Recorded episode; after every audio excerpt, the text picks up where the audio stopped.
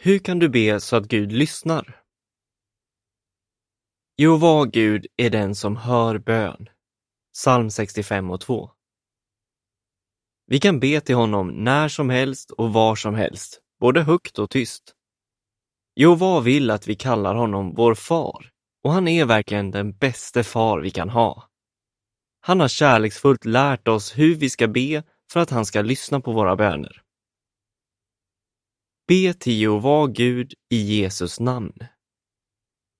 I Johannes 16 och 23 står det Om ni ber Fadern om något kommer han att ge er det i mitt namn.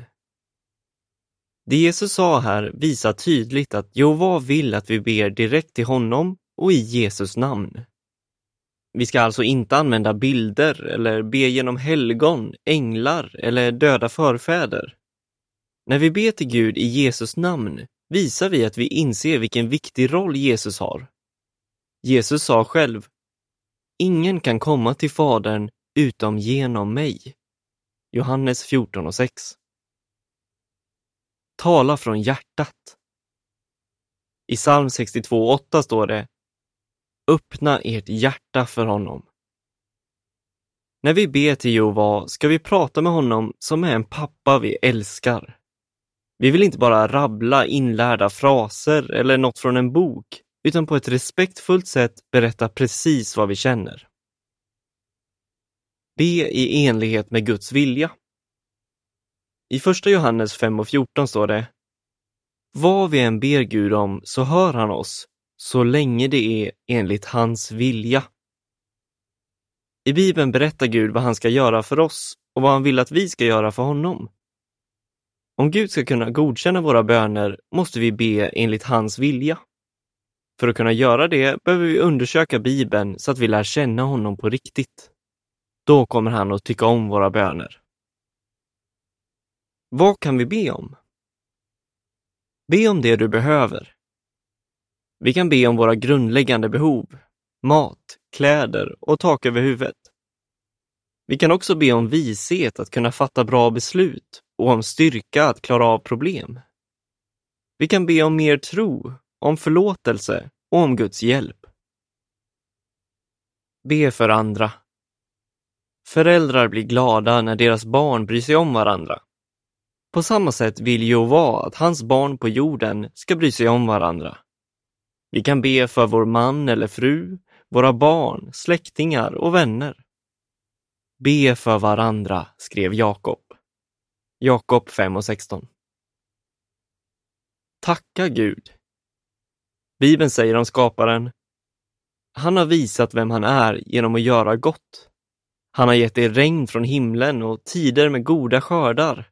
Han har gett er mat i överflöd och fyllt era hjärtan med glädje. Apostlagärningarna 14 och 17. När vi tänker på allt Gud har gjort för oss vill vi tacka honom i våra böner.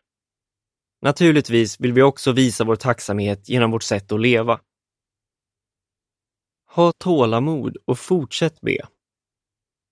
Om vi inte får bönesvar på en gång kan vi bli ledsna och besvikna. Men betyder det att Gud inte bryr sig om oss? Verkligen inte. Vi kanske bara måste fortsätta be. Vi ska se några exempel som visar det. Steve, som nämndes i första artikeln, berättar om det inte hade varit för bönen hade jag gått under för länge sedan. Det som hjälpte honom var att han började studera Bibeln. Han fick lära sig hur viktig bönen är och att man måste vara uthållig.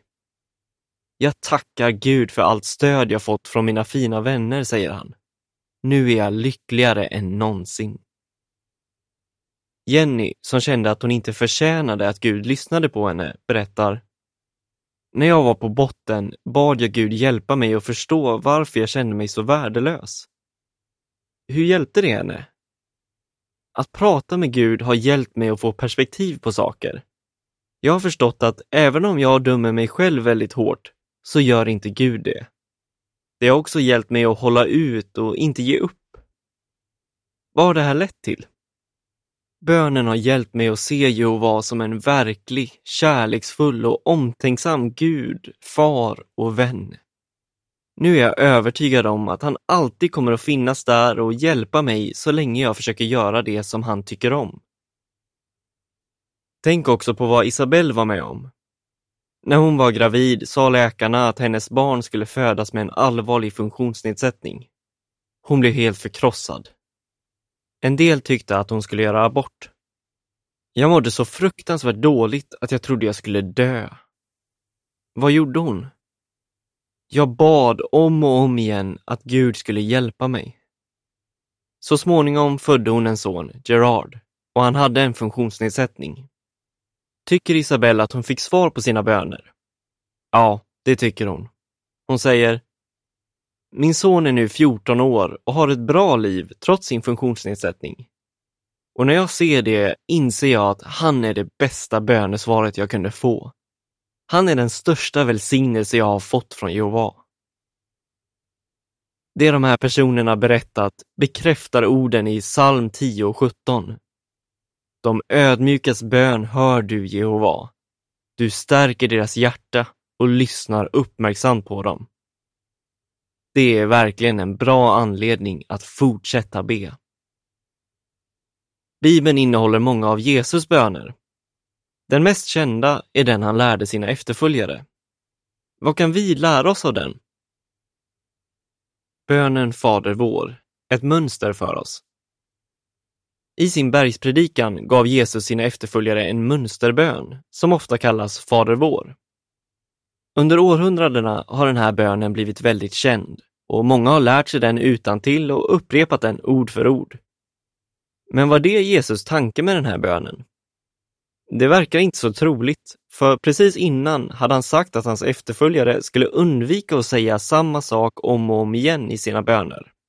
Han lärde dem i själva verket vem de skulle be till och vad de kunde be om. Vi ska se vad vi kan lära oss av den här mönsterbönen. Vår far i himlen. Vi ska bara rikta våra böner till Gud. Vi ber att ditt namn ska bli upphöjt. Guds namn måste bli upphöjt och helgat, alltså betraktas som heligt. Vi ber att ditt rike ska komma. Guds rike är en himmelsk regering med Jesus som kung och det ska snart styra över hela jorden. Vi ber att din vilja ska ske på jorden precis som i himlen. Guds vilja är att människor ska leva för evigt på jorden i fred och harmoni. Ge oss den mat vi behöver idag. Det är Jehova Gud som förser oss med allt vi behöver för att leva. Förlåt oss våra synder. Vi gör alla många misstag och behöver få förlåtelse. Om du tänker på de här punkterna kan det hjälpa dig att be personliga och meningsfulla böner. Slut på artikeln.